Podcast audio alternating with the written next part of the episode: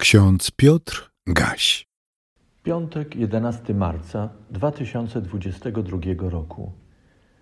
W księdze Kocheleta, w ósmym rozdziale, ósmym wersecie czytamy: Nikt nie ma władzy nad dniem śmierci. Zaś w Ewangelii według przekazu Łukasza, w szóstym rozdziale, 27 wersecie czytamy słowa Jezusa. Pytanie: Któż z Was, troszcząc się, może dodać do swojego wzrostu jeden łokieć. Myślę, że dzisiejsze zdanie, zaczerpnięte z księgi Kocheleta, budzi wątpliwości co do prawdziwości i wywołuje głębokie dylematy oraz duchowe zmagania, kiedy zestawimy je ze szczególnymi przypadkami śmierci. Takimi szczególnymi przypadkami śmierci są dla mnie samobójstwo albo zabójstwo. Czy mogłoby dojść do samobójstwa albo zabójstwa, gdyby człowiek nie miał władzy nad śmiercią? Jak zinterpretować również inny przypadek eutanazję na życzenie? Jeśli przyjęlibyśmy, że człowiek ma władzę nad dniem śmierci, to czy znaczyłoby to, że człowiek pozbawił Boga władzy nad życiem i śmiercią?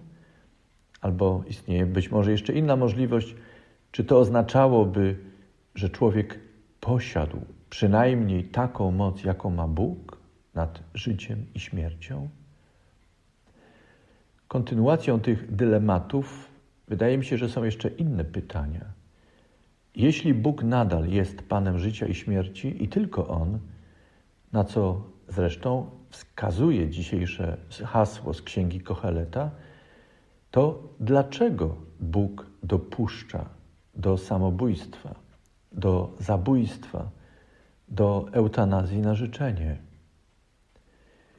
Kochani, w tym miejscu mojego rozważania chcę sobie i Wam, nam wszystkim, przypomnieć, jestem zresztą do tego zobowiązany jako sługa słowa, że Bóg daje wyraźne, jednoznaczne i nienaruszalne wskazanie dotyczące zabijania.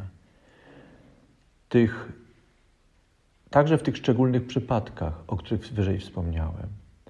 To wskazanie brzmi: Nie będziesz zabijał w przekładzie Biblii Ekumenicznej a w przekładzie warszawskim z roku 1975 to wskazanie brzmi: Nie zabijaj.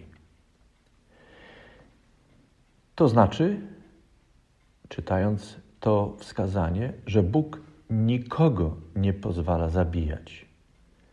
Znaczy to również, że Bóg nikogo nie zabija. Dzień śmierci, o którym czytamy w księdze Kocheleta, to coś innego niż zabijanie. Dzień śmierci w biblijnym przekazie to wydarzenie, w którym Bóg według swego postanowienia odwołuje spośród żywych i przeprowadza z doczesności do wieczności. Jeśli więc ktoś nastaje na życie własne albo na życie drugiego człowieka, dopuszcza się bezbożności, czegoś, co dzieje się bez Boga. Zaś pozbawianie życia w wyniku takiej bezbożności jest wystąpieniem przeciwko Bożemu przekazaniu. To pogwałcenie Bożego zakazu. A zabójstwo, samobójstwo, eutanazja na życzenie, czy też inne formy zabijania nie mogą być utożsamiane z władzą nad dniem śmierci. O władzy nad życiem i śmiercią wolno nam mówić jedynie wtedy, kiedy ktoś daje życie, zadaje śmierć, a potem w swoim władztwie przywraca życie. Panuje więc nad życiem i śmiercią. Takiej władzy nikt nie ma.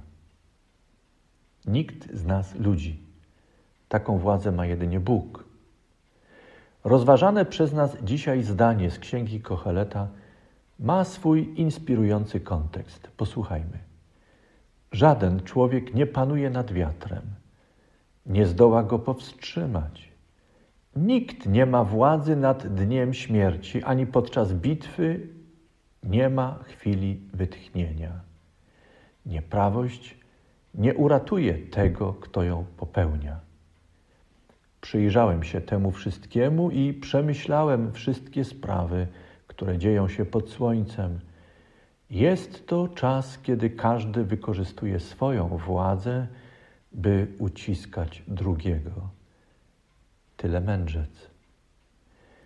Kochani, nie jesteśmy panami własnego życia i nie jesteśmy panami własnej śmierci. Tym bardziej nie jesteśmy panami czyjegoś życia i czyjejś śmierci. Natomiast wszyscy bez wyjątku mamy życie, które jest darem Boga.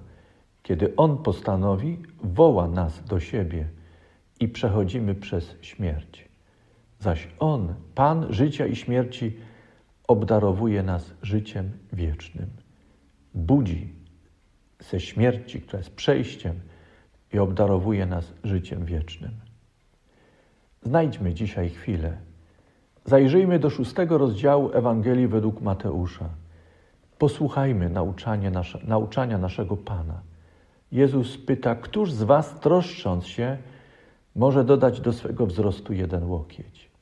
Jezus Chrystus ma rację. Nie mogę dodać do swojego wzrostu nawet mniej niż jeden łokieć. Nie tylko jeden, ale nawet mniej niż jeden łokieć. Całe moje myślenie i zamartwianie się o życie jest bez sensu. Natomiast sensowne jest przyjęcie daru życia, wykorzystanie życia, korzystanie z życia z roztropnością dzieci Bożych, które są posłuszne wskazaniom Pana. Kiedy zaś przychodzi czas odejścia, ważne jest, by nadal ufać Bogu i okazać Mu posłuszeństwo, pozwolić Mu przeprowadzić się wtedy, kiedy On chce, na drugą stronę życia. Śmierć jest przecież przejściem do kolejnego etapu życia.